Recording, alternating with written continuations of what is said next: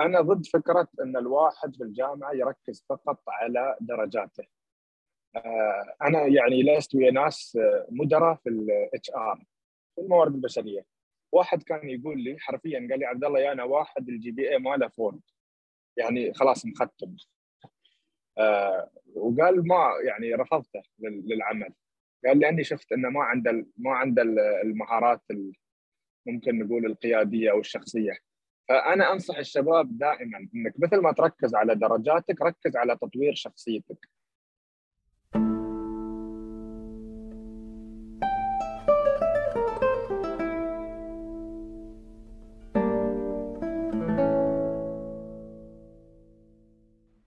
حياكم الله في بودكاست اطلاع.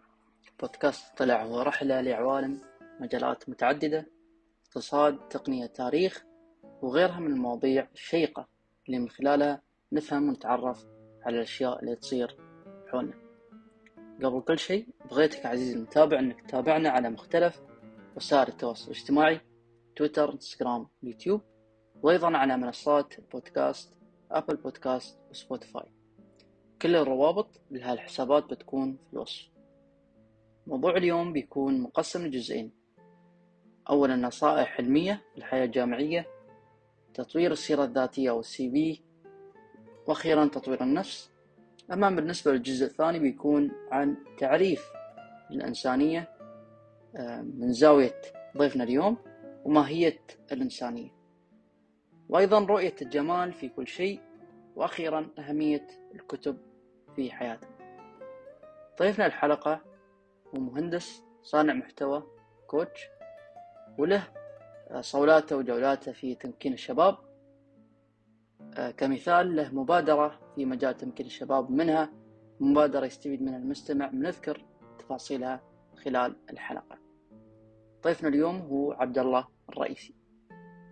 حسابات الضيف بتكون في وصف الحلقة تويتر وانستغرام.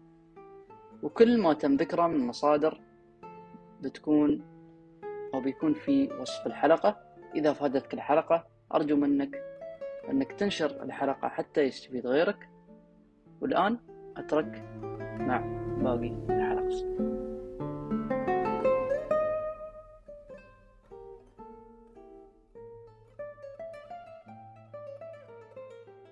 زين صديقي تفضل. تمام. آه عبد الله مهندس صانع محتوى كوتش ممكن للشباب متحدث. شو أقول شو أخلي؟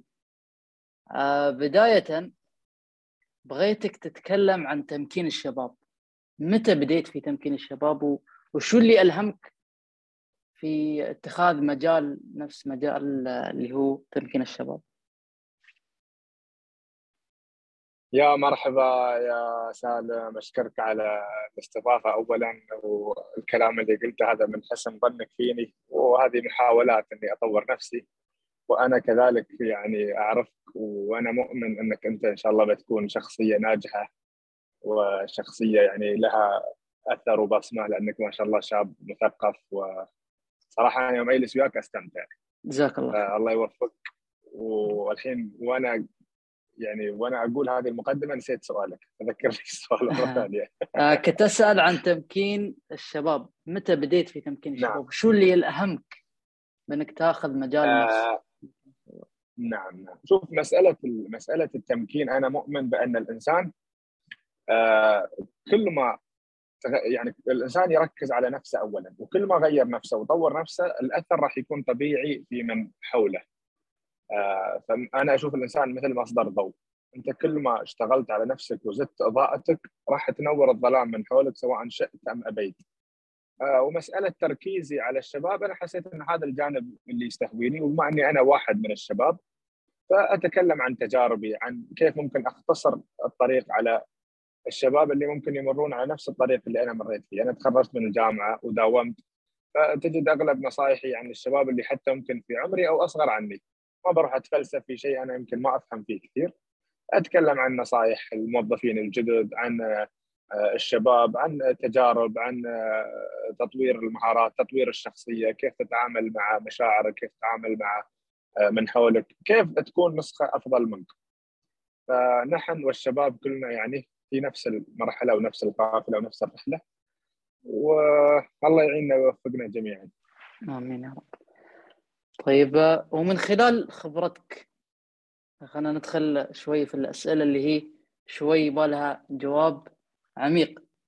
من خلال خبرتك وتعاملك مع الشباب كيف الشخص نعم. يقدر يستفيد كونك أنت طبعا طالب جامعي سابق وكونك قابلت كثير من الناس آه، وكثير من الشباب كيف الشخص يقدر يستفيد من حياته الجامعية أو بأكبر قدر ممكن؟ سؤال جميل يا صديقي. آه، أنا ضد فكرة إن الواحد في الجامعة يركز فقط على درجاته. آه، أنا يعني لست ويا ناس مدراء في ال HR في الموارد البشرية. واحد كان يقول لي حرفيا قال لي عبد الله يا أنا واحد ال GPA ماله four يعني خلاص مختم آه وقال ما يعني رفضته للعمل. قال لاني شفت إنه ما عنده ما عنده المهارات ممكن نقول القيادية أو الشخصية. فأنا أنصح الشباب دائما إنك مثل ما تركز على درجاتك ركز على تطوير شخصيتك.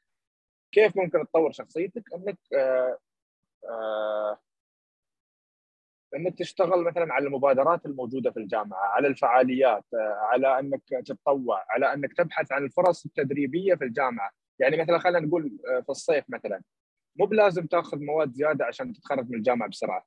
إذا حصلت فرصة إنك تتدرب في مكان فممكن تتدرب.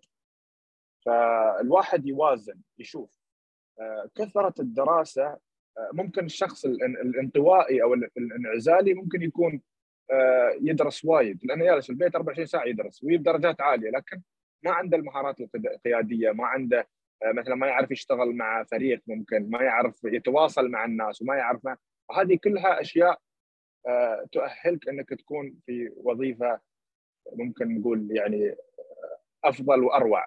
فالنصيحه الأهم لطلاب الجامعات إنك مثل ما تركز في درجاتك ركز في تطوير مهاراتك.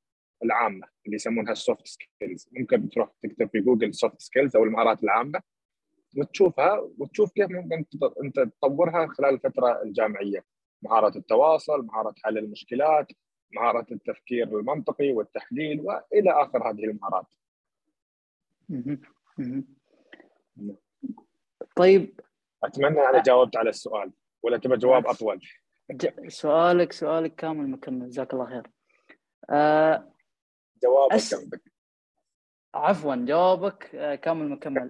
لكن بغيت اللي بغيت آه، بغيت شيء منك واللي هو إنك تقول للشباب المستمعين آه، أو تنصحهم بأسئلة يجب عليهم إنهم يطرحونها بشكل دوري.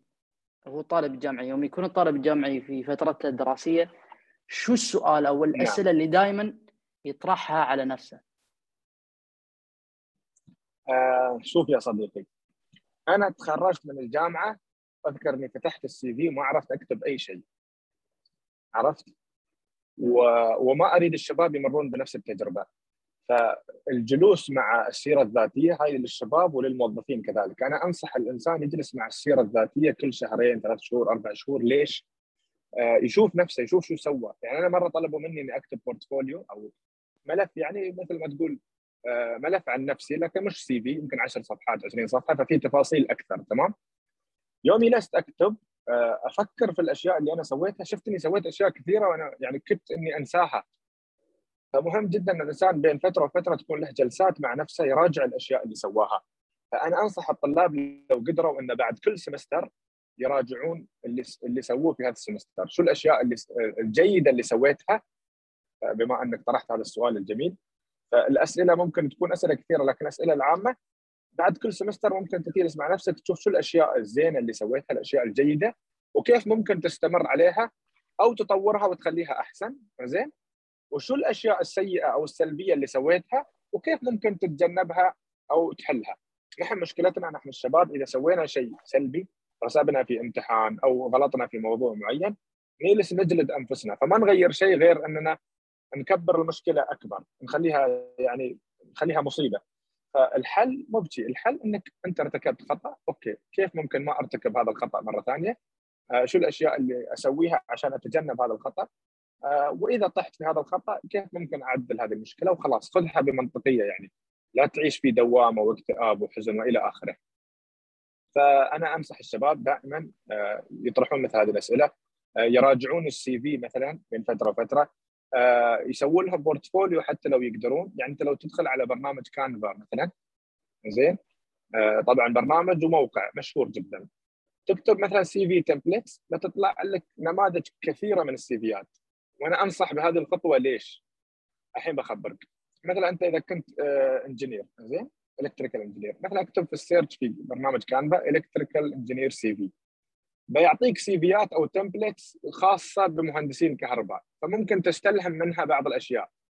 آه، ممكن تعرف كيف كيف أصلا تصيغ ال CV كيف تكون العناوين الرئيسية لل CV وكذلك مع ال portfolio. ال portfolio اللي مثل ما قلت غالبا يركزون عليه شباب الميديا وصناع المحتوى وإلى آخره لأن يعني طلاب الميديا إذا كانوا يقدمون على وظيفة غالبا يطلبون منهم portfolio يحطون فيه كل أعمالهم وكل تصاميمهم وإلى آخره عرفت؟ لكن أنا مهم عندي إنك أنت تشوف نماذج معينة حتى تعرف آه، شو الأشياء اللي ممكن تذكرها؟ كيف تسوق لنفسك؟ هذا هو السؤال الأهم. كيف أنت تسوق لنفسك؟ لأن نحن عندنا شباب مبدعين جدا لكن ضعيفين في التسويق لأنفسهم. فمثلا أنا لما جيت أسوي البورتفوليو مالي وهذا أيضا تعلمته من واحد من الشباب كان مسوي صفحة الجهات اللي هو تعاون معها. تمام؟ وحاط لي شعارات كثيرة فهذه الصفحة لما يشوفها صاحب العمل يقول أوف هذا اشتغل مع الجهة الفلانية والجهة الفلانية والجهة الفلانية وانت راح تستغرب يعني ممكن تكون انت تدربت مثلا مع الجهة الفلانية تقدر تحط شعارهم.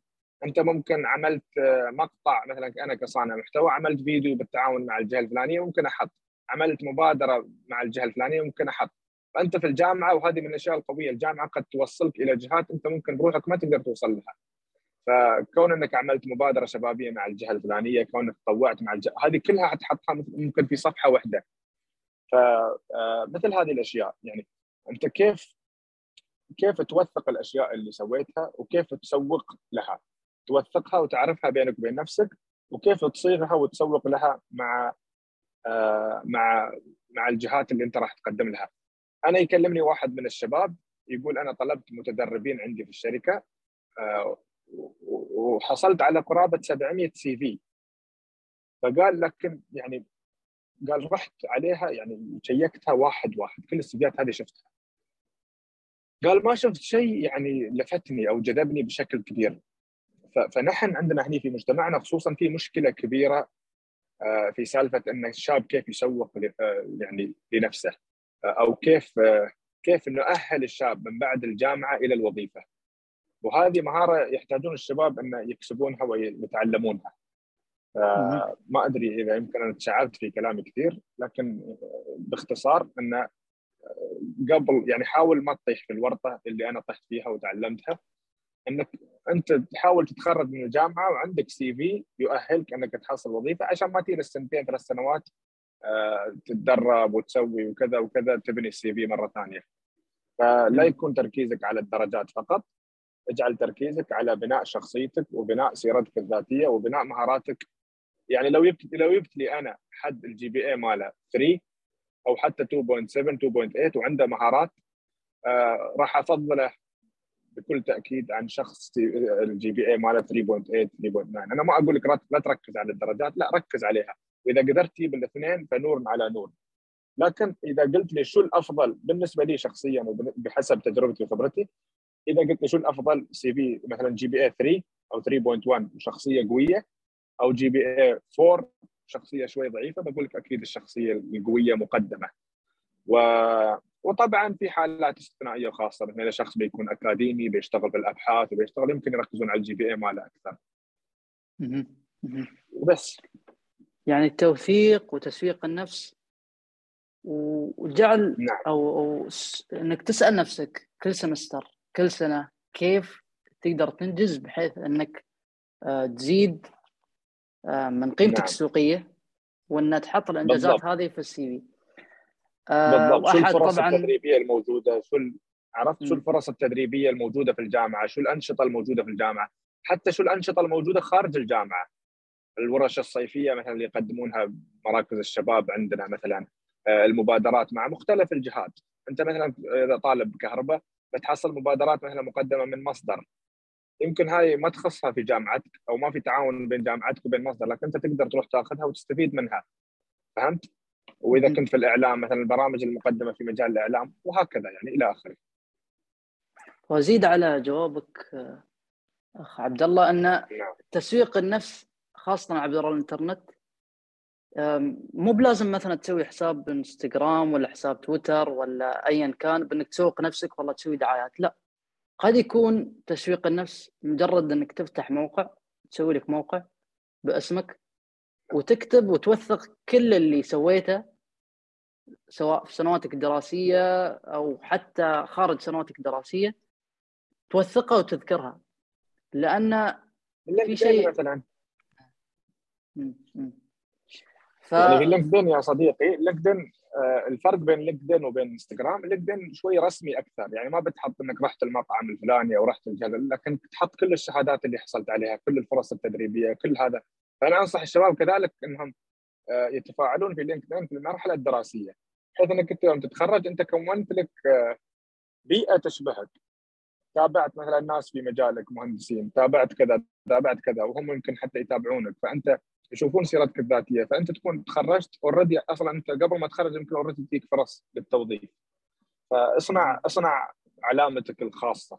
وحتى في انستغرام وتويتر ترى الحين الوظائف بعض الوظائف يطلبون انستغرامك وتويترك ويشوفون يعني حسابك شو تحط شو ما تحط عرفت؟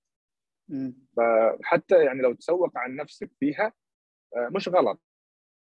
سواء تسوي سواء صفحتك الشخصية أو تسوي لك صفحة في مجال تخصصك. هذه من أقوى وأفضل الأشياء اللي ممكن تفتح لك فرص وظيفية كثيرة. مثلا إذا أنت مهندس كهرباء آه، تسوي لك صفحة يخص المهندسين وتحط كل المعلومات الجديدة عن الهندسة.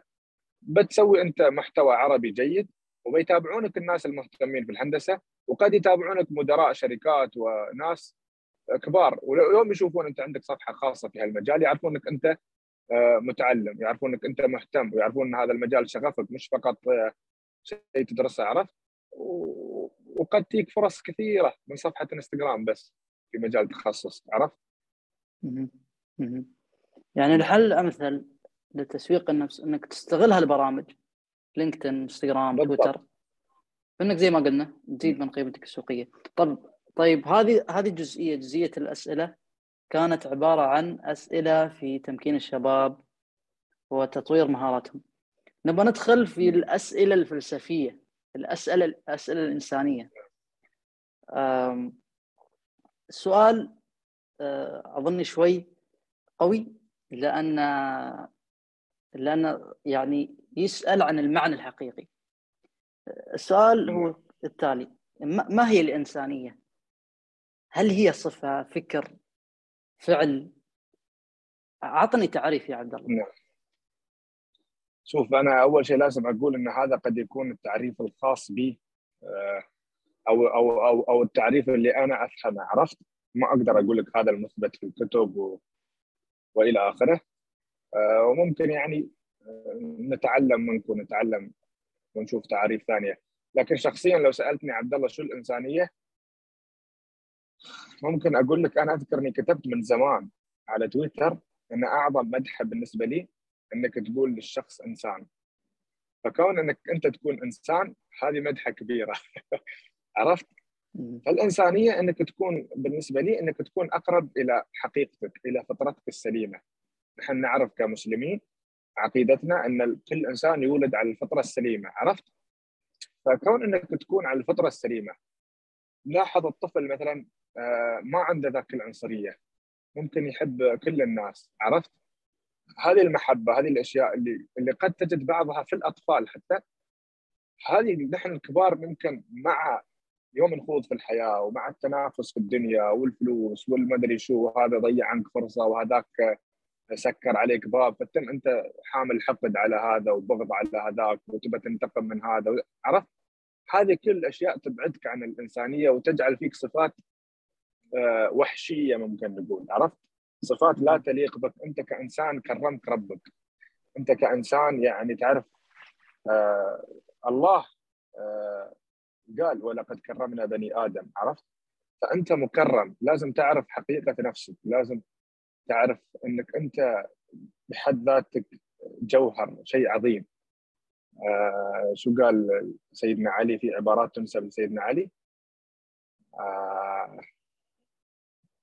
وتحسب أنك جرم صغير وفيك انطوى العالم الأكبر عرفت؟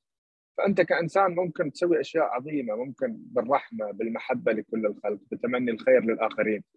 أنا أعتبر أن الإنسانية هذه أنك أنت ترحم الإنسان كيف ما كان بغض النظر عن دينه وعرقه وإلى آخره عرفت؟ أنك تعرف أن الأرض بيتي وكل الناس عائلتي بالحب أوصل ارواحا لأرواحي. فالناس كلهم يعني مهما كان مهما كانوا يختلفون معاك في النهاية أنتم ترجعون لأصل واحد. كلكم آه كلكم يعني من آدم وآدم من تراب. فهذه الإنسانية بالنسبة لي إنك أنت تكون إنسان تحب الخير لكل الناس آه، حب لأخيك ما تحب لنفسك فسروها بعض العلماء ومنهم بحسب ما أتذكر الإمام النووي قال إنك قال هنا يعني المعنى شامل للمسلم وغير المسلم. فأنت تحب لأخيك المسلم الخير اللي تحبه لنفسك وتحب للغير المسلم انه يسلم ويهتدي هذه المعاني يعني الإنسانية الإسلامية العظيمة أتمنى أنها تكون موجودة يعني في مجتمعاتنا ومهما حتى لو غلط الإنسان حتى لو أذنب حتى لو سوى آه، في النهاية يعني هذه مسألة دقيقة أنا دائما أذكرها أن نحن ما نكره الإنسان كإنسان، نحن نكره فعله. وهذه أيضا يعني بعض العلماء تكلموا فيها وجابوا لها أدلة من القرآن يعني. يوم سيدنا لوط قال إني لعملكم من القالين، قالوا تبرى من أعمالهم، ما تبرى من أشخاصهم رغم أن فعلتهم كانت شنيعة جدا يعني. ف... فنحن نحب الإنسان، ما نحب الصفات السيئة في الإنسان، ونتمنى أنه يهتدي ويرجع للصفات الحسنة. ونحن كذلك في صفات سيئة نكرهها في أنفسنا ونحاول إن نتركها. ممكن نرجع لها ونتوب ألف مرة. ما أدري أنا طولت في الجواب لكن الانسانيه بالنسبة لي بكل اختصار مثل ما قلت لك إنك تكون أقرب لفطرتك السليمة، إنك تحب الخير لكل الناس، إنك آه، تحسن لكل الناس وقولوا للناس حسنا. يعني هذا منهج قرآني وقالوا الناس كلمة الناس هنا في هذه الآية تشمل كل الناس. عرفت؟ فتحاول أنت ما بقول لك يعني بعض الناس يقول لك مثالية. لا مش مثالية. أنا ممكن الحين أقول لك هالكلام وأسكر واحد يلف عليه بالسيارة وأسبه. عادي كلنا نغلط لكن القصد إنك أنت تعرف المعاني الحقيقية وتجاهد نفسك على أنها تتحقق فيك وراح تتحقق مع الزمن. أنا قبل يعني هذا مثال بسيط قبل إذا حد لف علي في الشارع انفعل واسبه الحين إذا حد لف علي في الشارع أدعي له بالخير وابتسم. هذا معنى بس بسيط مثلا. أنت يوم تبركن سيارتك مثلا في المول آه يعني هل تفكر في الشخص اللي بجانبك إنك ما تضيق عليه مثلا يوم يركب ما تعرفه. لكن هذه الإنسانية ان تحب لأخيك ما تحب نفسك تحب الخير لكل الناس عرفت؟ آه تقدر أنت بمراقبتك لأفعالك البسيطة اليومية تشوف شو فيك أنت من الإنسانية، إيش كثر أنت إنسان وإيش كثر أنت ما بقول حيوان لكن متجرد من انسانيتك. طيب. نعم. السؤال الثاني آه كيف ترى الجمال في كل شيء؟ كيف ترى الجمال في كل شيء؟ الله أكبر هذه على فكرة على فكرة آه. أحد عناوين آه، البوست اللي حسابك إنستغرام كان فيديو ولا صورة؟ لأن أتذكر هالشيء كلمتك كنت بقول لك أنت مدور حسابي عدل آه. ففي فيديو عندي بعنوان كيف ترى الجمال في كل شيء صح؟ آه في الحديقة كأنه أظني هيك خلفيه ذكرني ذكرني شو قلت. والله لم يعني. ما اذكر ما أذكر. أنا سألتك عشان تقول لي المعلومات اللي في الفيديو. المشكلة أحاول أتذكر اللي في الفيديو لأن أنا ذكرت الفيديو تذكرت وين صورته وتذكرت منو صورني. آه لكن ما أتذكر شو محتوى الفيديو كان. كيف ترى الجمال في كل شيء. لكن عندي جواب عندي جواب للسؤال بس ما أتذكر فيديو ممكن الناس يرجعون الفيديو وأنا برجع له إن شاء الله بعد اللقاء هذا. كل المصادر كل المصادر مثل الكانفا اللي ذكرتها وال post اللي ذكرتها كله موجود في الوصف إن شاء الله. إن شاء الله جزاك الله خير. زين وحتى الفيديو حطه في الوصف إن شاء الله إذا ما عليك أمر. لكن كيف ترى الجمال في كل شيء؟ آه هذه تكلموا فيها يعني بعض العلماء المهتمين في هذا الجانب في الجانب الروحاني والقلبي في الإسلام. وقبل أيام قاعد أسمع كنت آه، كلام للإمام الغزالي عن نفس النقطة هذه. آه، باختصار أنك ترى الله هو الفاعل لكل شيء. وهذه هي حقيقة يعني في كل الأشياء اللي تحصل من حولك. ما في شيء ممكن يحصل آه، بدون إرادة الله سواء كان خير أو كان شر. لكن نحن تادبا مع الله ما ننسب الشر له. لكن عقيدتنا نحن كمسلمين كل شيء يحصل في الكون ما يحصل إلا بإرادة ربنا أو باذن أو بإذن الله يعني فهمت علي؟ ولله حكمة في كل شيء، بعض الأشياء ممكن نحن نشوفها آه، يعني غير منطقية أو فيها ما فيها رحمة وإلى آخره ولكن نحن إيماننا كمسلمين وعقيدتنا إن في باطنها ولو ولو كان في ظاهرها شر في باطنها خير لأن الله جميل وكل شيء من الله جميل. كنت أتكلم يعني قبل أيام عن معنى المنع ومعنى العطاء. يوم يحرمك ربك من شيء أنت ممكن تشوفه منع ولكن في الحقيقة ما في يعني كله عطاء من الله. فاذا شفت الله في كل شيء وهذه طبعا مرحلة صعبة يعني هذا هو اللي يسمونه الإحسان. أن تعبد الله كأنك تراه فإن لم تكن تراه فإنه يراك مثل ما قال النبي عليه الصلاة والسلام. فإنك ترى الله هو الفاعل لكل شيء هذا راح يسهل عليك إنك ترضى عن كل شيء يحصل في حياتك. وهكذا أنت ترى الجمال يعني آه، في كل تفاصيل الحياة. okay في شيء حصل لي ممكن ما يرضيني شيء يضايقني شيء كنت أتمناه وما حصل. هذا شيء ممكن يزعلني. لكن اللي اللي بي بيراضيني إني أعرف إن الله أرحم بي من نفسي وإن الله رضى لي هالشيء. هكذا يعني فاستأنسي بالمنع وارعي حقه. يعني حتى المنع أنت تقدر تستانس فيه و... وترتاح له وارعي حقه بعدين قال إن العطاء إمداده متنوع. يا حس... يا حسن هذاك العطاء المتنوع أو كما قال. العطاء أو أو الصور تجليات ربنا في الكون متنوعة. قد نرى في ظاهرها أحيانا بحسب علمنا المحدود إن في ظاهرها شر ولكن في باطنها جمال وخير. هذا الجواب اللي في بالي حاليا وأنا أعتقد إني في الفيديو ذكرت قصة. آه لكني ما أتذكر الحين. قاعد أحاول دام ذكرت القصص. دام ذكرت إيه. القصص خلينا ندخل في سؤال نعم، ثاني. أنت تقريبا أغلب فيديوهاتك تبدأها بقصة. آه بسألك شو دور أنت دارسني عدل يا سالم لازم الواحد يبحث. يعني شخص مثلك ملهم لا لازم يعني واحد يعرف الله يبارك فشو شو دور القصص في حياتنا؟ دام أنت اظني أظني إنك آه، تشوف إن القصص شيء مهم. نعم. الحين صديقي يتكلمون وايد عن ال storytelling وأعتقد حتى ضافوه كتخصص في بعض الجامعات أو تخصص فرعي أو أو أو أو من أسامي التخصصات يعني.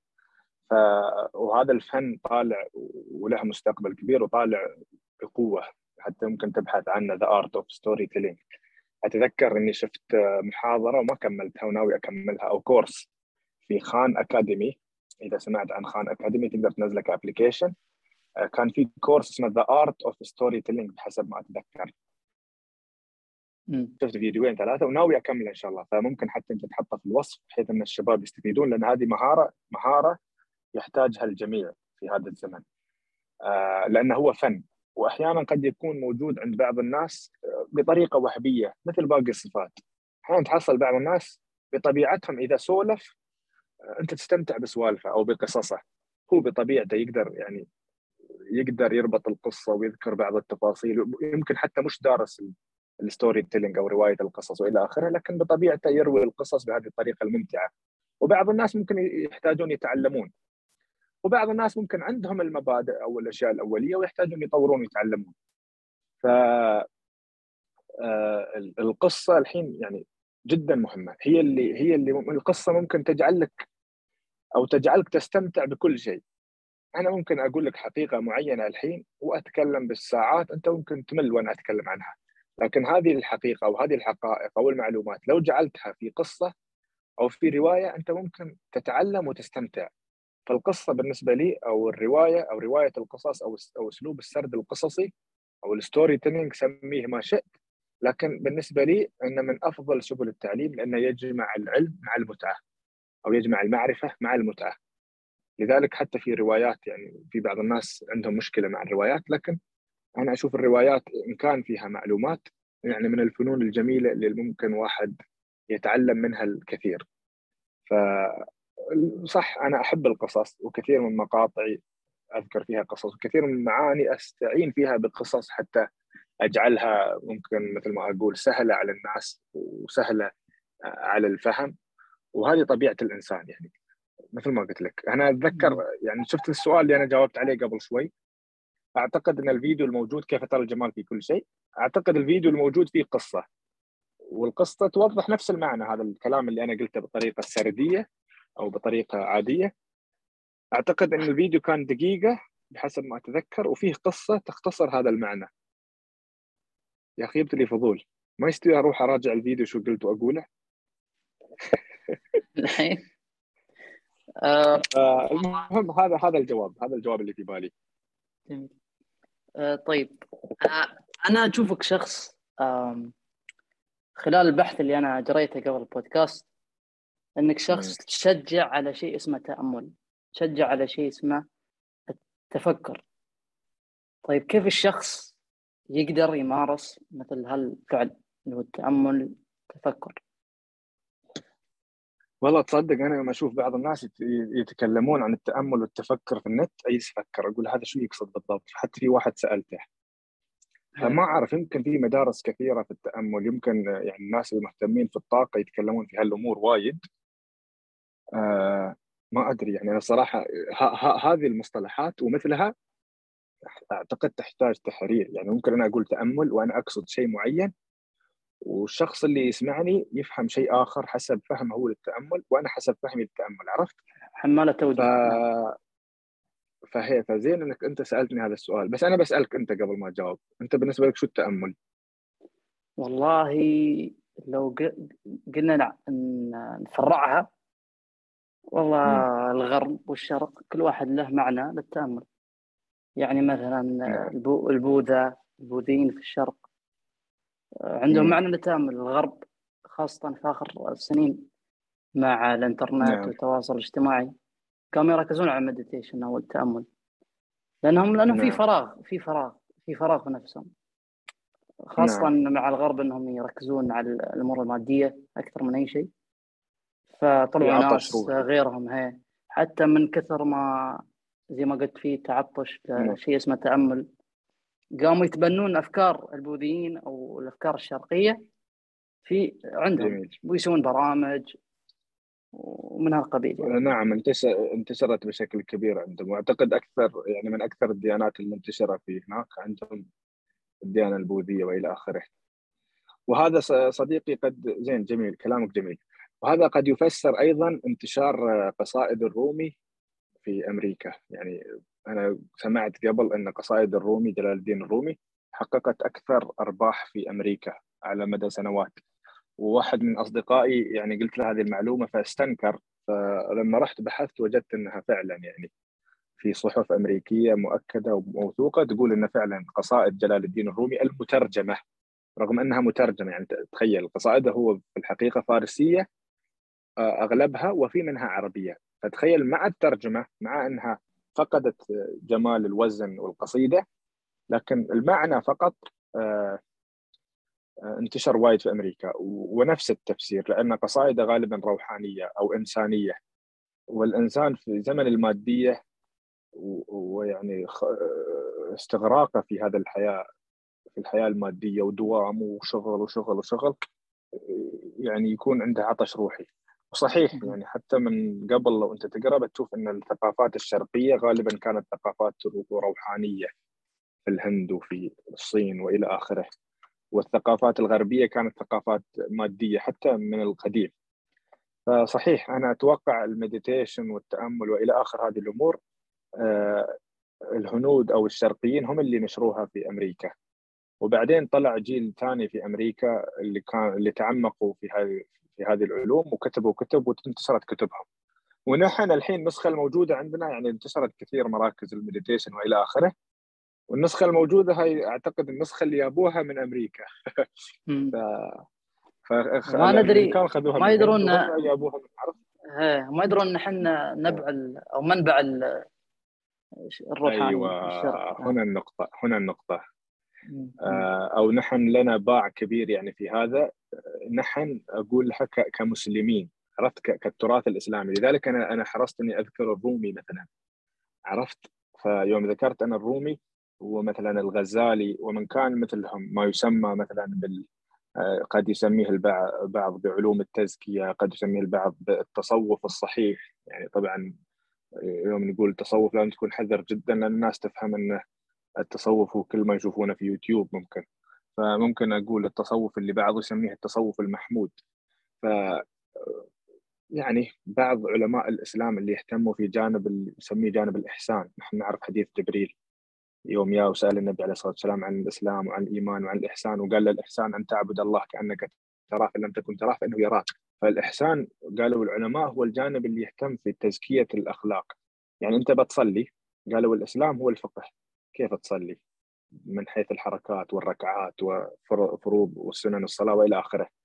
والإيمان قالوا هو العقيدة وطبعا في مدارس يعني في العقيدة وفي مدارس في الفقه يعني عندنا أربع مدارس يعني المذهب الحنفي والشافعي والحنبلي والمالكي قالوا هذه المذاهب تدرس الإسلام اللي هي الفقه وفي مدارس تدرس شو الإيمان اللي هي مدارس اللي في العقيدة يعني الماتريدية والأشعرية وإلى آخره.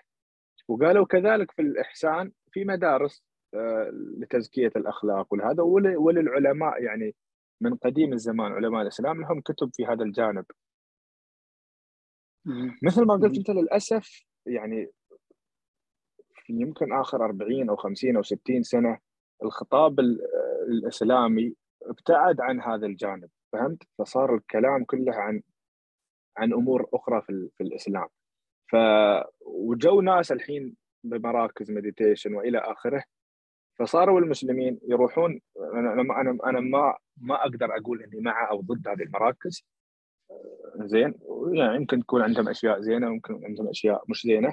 لكن أنا جربت مرة رحت مركز وجلست ويا وحدة متخصصة وتكلمنا بالساعات واكتشفت إن الكثير من الأشياء اللي اللي هي يعني تقول هذه الأشياء موجودة عندنا في الإسلام. وحتى جبت لها بعض ال يعني ما أدري اذا ما أدري هذا الشيء ممكن أقوله. لكن يعني وهي وأنا وهي كنا نتكلم بطريقة ودية و... ويوم كانت تقول لي بعض القصص بعض الأشياء بعض المبادئ اللي عندهم أنا كنت أتذكر بعض الأشياء اللي أنا قريتها. إنك أنت ما تشوف نفسك أفضل من أحد وان وان قبل أيام أقرأ أظني عن سيدنا ابن عباس كان يقول إن التقوى يوم سألوه شو التقوى أو أحد من الصالحين قال إنك ما تشوف نفسك أفضل من أحد. عرفت؟ يعني إنك ما تصدق نفسك وإنك تحب الخير لكل الناس وإن وإلى آخره.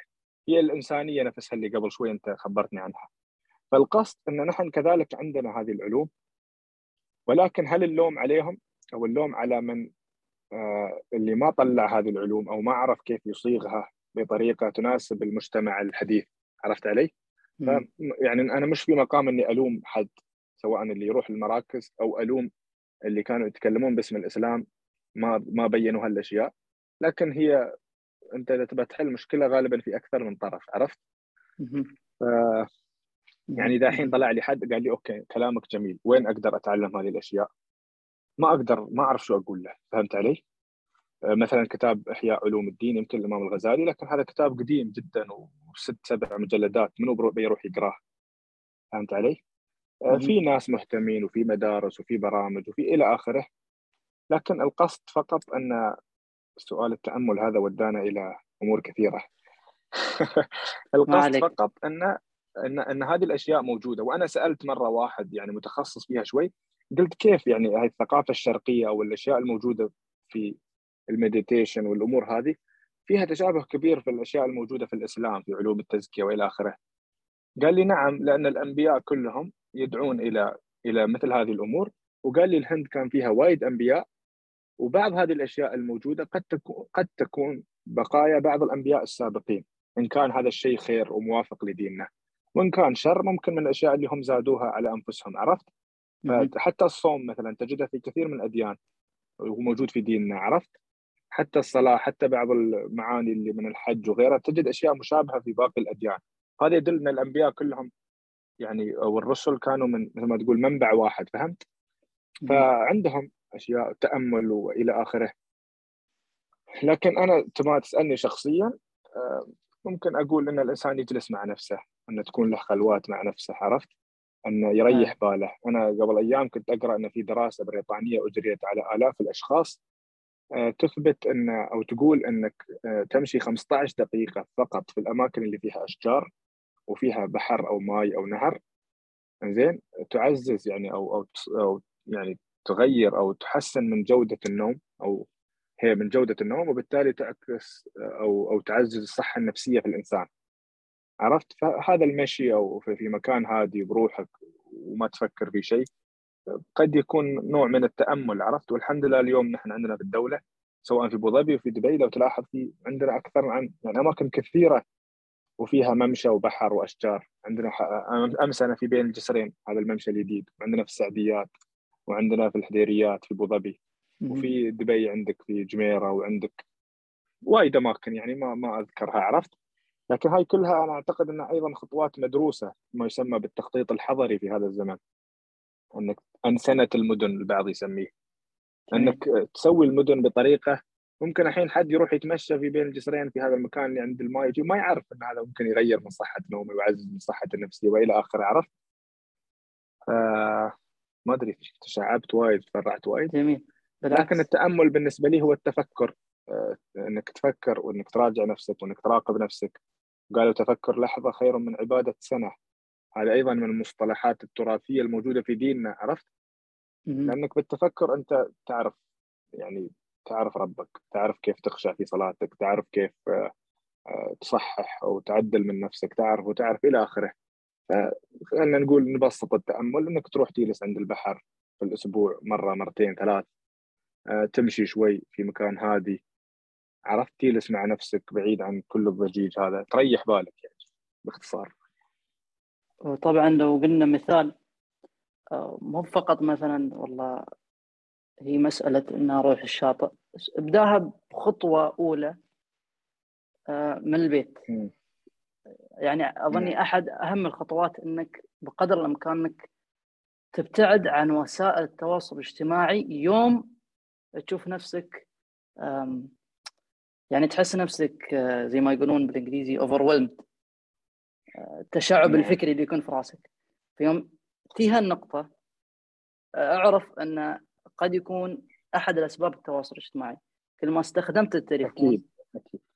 كل ما شفت نعم. البرامج هذه واستخدمتها قد تكون هذه سبب التشعب استخدامك للبرامج. فيكون مثلا أسبوع أسبوع كامل تهد التليفون. آه طيب. هسه بنختصر الوقت.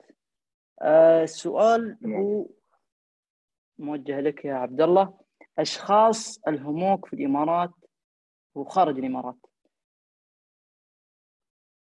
زين. خليني أعلق على كلامك اللي قبل شوي. زين. آه صحيح يمكن من, من أكبر المشاكل العصر اللي يعاني منها أكثر الناس وأنا يمكن واحد منهم التشتت. وبلا شك إن التلفون وهذه الأشياء تشتتك. فانا شخصيا حاولت أترك التلفون لأسابيع قدرت مرة أسبوع مرة أسبوعين.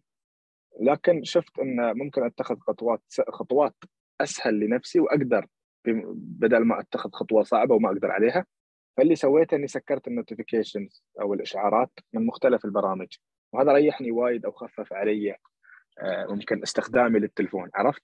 أوكي أنا ما أقدر أمسح البرامج أو ما أقدر اهد التلفون بشكل كامل وجربت وما نفع ممكن أسكر الإشعارات ممكن أخفف يعني اتخذ خطوة شوي آه، أهون. وبخصوص سؤالك يا صديقي شخصيات اثروا فيك من الإمارات ومن خارج الإمارات؟ والله سؤال صعب. ويمكن ما أجاوب عليه بعد. لأن للأسف نحن صرنا في في زمن إن الناس ممكن تكرهك لأنك تحب شخص هم يحبونه لهالدرجة. عرفت؟ قد ف... قد تكون شخصية تاريخية يعني. آه، أسهل أسهل وايد يوم تقول شخصية تاريخية. لأن هذا السؤال مثل ما قلت لك يخوفك من ناحية أول شيء إنه إن الناس ممكن تكرهك لأنك تحب شخص هم يحبونه أو حتى ممكن انت تمدح شخص وباكر هذا الشخص يتغير فعرفت؟ ويتمون آه فلان مدح. وتعرف أنت الحين كيف يدورون الزلة. والصراحه بعد ما في حد في بالي ممكن أذكرها الحين. لكن إذا من الشخصيات التاريخية آه وايد. ممكن يعني على رأسهم النبي عليه الصلاة والسلام طبعا. آه القدوه والشيء اللي يمكن وايد ناس ما يعرفونه إن إن القدوة هو القدوة عليه الصلاة والسلام لكل زمان ومكان. حتى هذا الكلام أنا اقوله الحين أنا خايف. باكر بيقولون أنت مطوع وباكر على كل نقطة يحاسبونك فهمت؟ فواحد صار يخاف يتكلم يعني في هالزمن. فالنبي عليه الصلاة والسلام قدوة لكل زمان ولكل مكان. يعني تشوف تعامله مع الناس تشوف محبته تشوف حتى مع اليهال. يعني مع اليهال أنا أتعامل ويا إخواني في البيت أحيانا أتذكر بعض الأحاديث عرفت؟ ف اشياء يعني عجيبة. إذا قلت لي الشيء الشخص اللي ممكن تتعلم منه في كل مرحلة من مراحل حياتك وفي كل قصة النبي عليه الصلاة والسلام. لكن واحد يحرص إنه يفهمه بطريقة سليمة وصحيحة و... ويتأكد من فهمه يعني عرفت؟ والشيء اللي كنت بقول لك إياه بعد أو الشخصيات الثانية بلا شك الشيخ زايد الله يرحمه والرحمة اللي فيه. وأنا أنا حتى يمكن عندي نية ان في يوم من الأيام أكتب كتاب عن القصص اللي اللي يمكن يستفيدون منها الشباب من سيرة آه، الشيخ زايد الله. يرحمه القصص الإنسانية يعني من القصص الوايد وايد عجيبة. منها شوف أنا أقول لك آه، يعني شوف شوف هذه المعاني كيف لو الواحد يفكر فيها. مثلا يقولون انه مرة يا واحد باع شيء عند الشيخ زايد وبسعر كبير. زين؟ واشتراه الشيخ؟ ما أدري باع ناقة ولا شيء. المهم اشتراه الشيخ؟ ويوم طلع بعض اللي عند الشيخ قالوا يا طويل العمر هذا يعني قص عليك أو كذب أو عرفت إن هذا الشيء يعني هذا الشيء اللي باع لك إياه ما يستاهل هذا السعر كيف أعطيته؟ ونحن مستغربين أنت كيف اقتنعت يعني فهمت علي؟ م. قال الشيخ زايد لو ما كان محتاج ما كان كذب أو شيء بهذا المعنى فشوف شوف إنه منطقيا ممكن يكون هذا الشيء إذا تباها بطريقة عقلانية يمكن هذا الشيء غلط إنك تشتري من شخص يبيع لك شيء بسعر غالي عرفت؟ ولكن إذا بتأخذها بعين الرحمة وبعين الشفقة وبعين إنك أنت حاكم وأنت أب الجميع لا. يعني هو أكيد محتاج. لعل الشيخ الشيخ زايد الله يرحمه تحسس في نبرة صوته إن هذا محتاج. فهمت؟ نعم. فأعطاه. وكثيرة من يعني قصص كثيرة من هذه. قصة ثانية يوم كان في أوروبا وكان الشيخ زايد من عادته الله يرحمه كل ما يروح لدولة من الدول يقول يبوا لي حاجات كل العرب الموجودين في هذه المنطقة. هذا الشيء يمكن وايد ناس ما يعرفونه. أنا أبوي كان مع الشيخ زايد الله يرحمه فقال لي هذا الشيء حتى وأكد علي. يعني سمعته في مكان ثاني يوم سألت أبوي قال لي نعم صحيح. م. فكان مثلا إذا راح لندن مثلا يقول شوفوا العرب والمسلمين الموجودين في هذه المنطقة وشوفوا طلباتهم وهاتوها لي. فكانوا اللي حوله يجمعون الطلبات وينقرونها على الشيخ زايد. فهذه القصة يرويها آه، سعيد بن دري الفلاحي اللي كان من مرافقين الشيخ زايد في برنامج يمكن تحصلون مقطع على يوتيوب. فكان يتكلم ويقول رحنا مكان ويابوا الطلبات وتموا يقرونها. فيقول في طلب من الطلبات ما أدري إذا هو سعيد نفسه ولا حد ثاني وكان حاضر. قال في طلب في ورقة خشها يعني ما ما طاع يراويها للشيخ زايد. وعلى باله أن الشيخ ما شاف الورقة هذه. فعرض الطلبات كلها بعدين قال له الشيخ الله يرحمه قال له خلاص خلصنا. قال نعم خلصنا. فقال الشيخ لا ما خلصنا في ورقة أنت خشيتها عني شفتك. فقال له يا طويل العمر هذه الورقة يعني آه، آه، مش مناسبة أو شيء من هذا. فقال له لا هي مش مش مطرشينها لي قال نعم مطرشينها لك. قال خلاص طلعها. قال هي مطرشينها لك بس اللي مطرشينها يهودي. مم. أنت معي يعني الشيخ زايد قال يجيبوا طلبات العرب أو المسلمين. هذا قال يهودي. يهودي عربي. يعني إن, إن هذا مش ما أعرف إذا عربي ولا غير عربي لكن كانه كانه يقول إن هذا مش مطابق للشروط. فهمت علي؟ مم. فقال الشيخ زايد هو مطرش الورقة لنا. ففي احتمالين. الاحتمال الأول إنه هو آه، محسن الظن فينا. زين وإذا هو محسن الظن نحن بنكون عند حسن ظنه. زين أو إذا هو مسيء الظن فينا أو يبي يجربنا أو شيء نحن بنكون أحسن مما يظن أو شيء بهذا المعنى ما أتذكر العبارة بالضبط. لكن شوف كيف إن إن الشيخ زايد قال إن مصلحتنا في كل الأحوال إن نحسن إلى هذا الشخص ونعطيه ودام إنه هو متأمل إن نحن نعطيه شيء فنحن بنعطيه وبنعطيه فوق ما تأمل. هذه هذا هذه قصة إنسانية عظيمة. أنت تسألني قبل شوي عن الإنسانية. عرفت؟ أشوف هذه الرحمة أشوف هذه الحكمة الموجودة آه الشيخ محمد بن راشد يعني أنا أشوف أعظم شخصية قيادية موجودة في زمننا بالنسبة لي وأتعلم من شخصيته الشيخ محمد بن راشد سواء في أقواله أو في أفعاله. أحيانا كنت أقرأ بعض الكتب اللي كتاب قصتي وغيره يعني يمكن ما قريتها كاملة لكن قريت صفحات منها تستغرب تتعجب من أشياء يعني عجيبة. وبعض المقولات عرفت؟ مم. هذه الشخصيات اللي في بالي حاليا. جميل جميل. آه طيب لو كتب أو مصادر تنصح فيها للمستمعين نحن كلنا نعرف أن الحكمة ضالة المؤمن يعني نحن حتى دينيا نستفيد المفروض الفكرة الدينية حتى عندنا أن آه، استفيد من كل حد عرفت آه، طالما أن شيء ما يخالف مبادئك أو دينك أحيانا حتى أشياء ممكن تسهل عليك دينك يعني أعطيك مثال أنا كنت أسمع آه، كلام لأوبرا مشهورة المذيعة الأمريكية فكانت تقول إنك يعني لو كتبت خمس أشياء يوميا تشعرك بالامتنان هذا راح يغير أو أو يعزز من صحتك النفسية وطريقة تفكيرك وإلى آخره. في نفس اليوم أنا أقرأ سورة سيدنا يوسف وحتى اختصرت الفكرة هذه في مقطع. كنت أقرأ سيد سورة سيدنا يوسف وقفت عند آية يوم قال آه، بحسب ما أتذكر. إن شاء الله ما أكون بس أنا حرفت الآية. بس قال وقد أحسن بي ربي إذ أخرجني من السجن أو شيء بهذا المعنى. فوايد استغربت. يعني استغربت بشكل قلت يعني الشخص هذا يمكن 30 سنة من حياته في سجن وفي مصايب وإخوانه قطوه في بير ومن مصيبة لمصيبة لمصيبة لمصيبة. بعد كل هالمصايب يقول قد أحسن بي ربي. يعني أنت بالذات ما توقع تقول هالكلام. فهمت علي؟ نحن إذا لف علينا واحد اثنين أو دعمنا الرصيف نتضايق ثلاث شهور. ليش أنا يا الله؟ وليش؟ فهمت علي؟ فتخيل إن إن حياته كلها مصاعب ومصايب ولكن كأنه ما شافها ابدا. وبعد قال أحسن بي وعرف إن هذه كلها إحسان. شوف الكلام كله مرتبط في بعض. شيء أنت تشوف الجمال في كل شيء. عرفت؟ ف...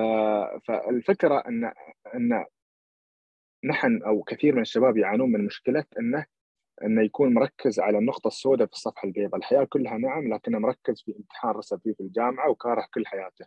الحياة مش كلها جامعة أصلا. فهمت علي؟ فكون إنك تكتب خمس أشياء يوميا هذا بيحول نظرتك من المصايب إلى النعم. وبعدين تقدر تشكر وإن شكرتم لأزيدنكم ولئن شكرتم لأزيدنكم وبتزيد النعم. اوبرا مش مسلمة لكنها تقول هالكلام اللي قد يساعدنا نحن كمسلمين بطريقة تطبيقية نطبق الشكر.